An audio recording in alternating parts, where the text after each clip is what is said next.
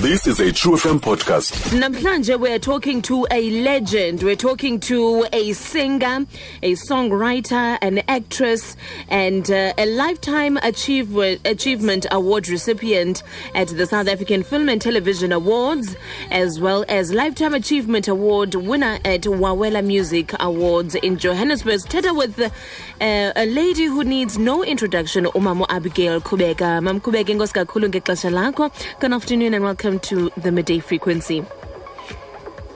Thank you. Thank you very much. Thanks for having me. It's a pleasure. First of all, I want to tell you that I'm a big fan of Zondiwe Mukhale. I think you act so nice, like, like you. Oh, it's such a complex character. I love that character. Thank you very much. I- eh, abantwana bami bayangihlupha, especially Chidi, Yeah, we are Tsidi. but I love her to bits. Love, she's my darling. She's my baby, my princess.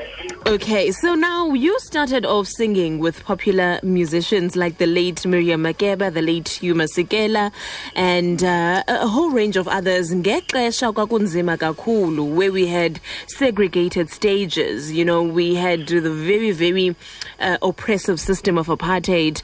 And hello, can you hear me? Yeah, now I can hear you. Now you can I hear- you for a second. Yes, you were singing at that very, very, you know, tough time. So, how did that experience shape you as a woman? You know, I've worked with the best talent in the country, and uh, I've, I've worked with legends, and uh, it was awesome, the best times of my life, and it still is. I, I, I'm, I, I'm- I'm on the pinnacle of my career, Yeah. and I'm enjoying and celebrating my life like, you know, I, I can't even explain it. Mm. So, so how how difficult was it back then for a young woman, a young black woman under apartheid, to forge her way in the music industry? It was very difficult, sweetheart. But you know, when you're young, you're excited, you you you're energetic, you just want to to go on. So obstacles or no obstacles, you just there and just going ahead, hitting it hard. Yeah. Okay, so you still live in Orlando, Soweto. Yes. Oh, very hap- happily here.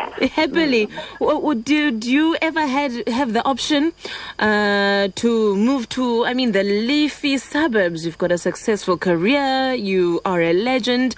Did it ever cross your mind ukusuka e Orlando uyohlala in the leafy suburbs, the northern suburbs of South Africa, the best suburbs in the in the country? Honey, I'm rooted here. This this is where my roots are. Yes.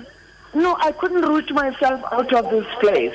This is where the where the people have uh, have made me who I am, and I'm happy here. And what more do I need? All right. so- No, nothing. No, okay. So now, which women have shaped Umamu Abigail Kubeka through the years? Which women have you drawn inspiration from uh, in your own life and personal experience? The first one and the greatest one is my mom, hmm. whom I thought when I was young was a, a devil. wow. but but now I appreciate her every day of my life and I celebrate her. And of course, my icons, Bodoli Rathebe, Miriam Makeba, Dorothy Masuku, Thandi Klaasen, and all those people. You know, I learned a lot from them, the, the, the, the tricks of the business. Yes. So you've got a very extensive filmography list. You do movies, you do productions, you're on television. Yeah. Uh, uh, the the love for acting. Where did it start?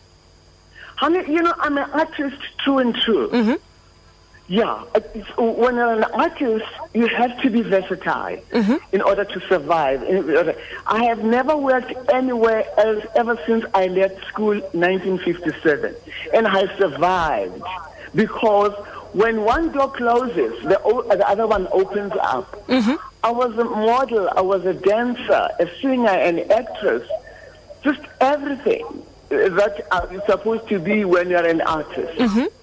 Yes, so I'm blessed. I think I'm very lucky and blessed. And I thank God for that. So it'd be so unfair for me to make you choose. Absolutely, darling.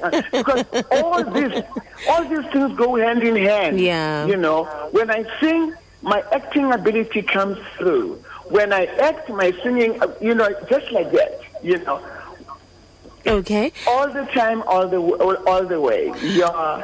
When I walk, it's the lessons I learned from modeling, mm. posture, how to handle yourself, mm. and all that. Mm. Yeah.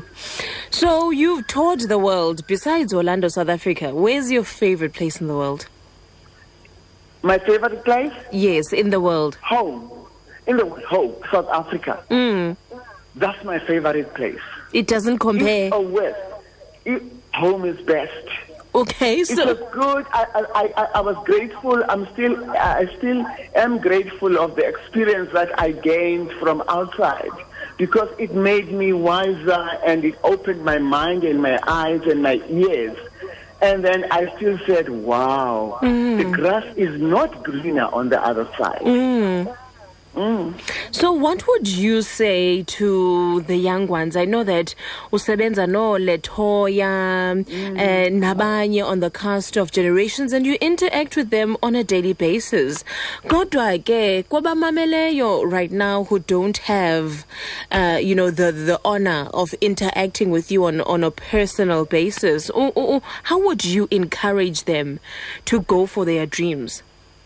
The, the young ones I love very much. Mm. There is great talent in them. They are so gifted. The privileges, they've got privileges that we never had. But I would just say to them, slow down, learn from the best, because that's how you will be able to grow. Respect yourself so that the people can respect you. And this is not it, it is not it is not a play field. It's a career mm. and it's big business. If you take care of it, it will take care of you until you go six feet underground. Yes. Don't mess it up. Mm. Well, Mam Kubeka siyabulela kakhulu ngexesha lakho. We'll keep on watching Uzondiwe on Generations. my love. And thank you for being that beacon of hope for all these years. I mean, you, you've been in the industry for over 50 years. 56 yes. 56 yes, yes. years. So siyabulela kakhulu. Qhubekeke mama, siyakuthanda. Diabulela, Siswami, it is you people that have kept me alive. You've been the wind, the wind beneath my wings. And thank you for doing that for me and for everybody else.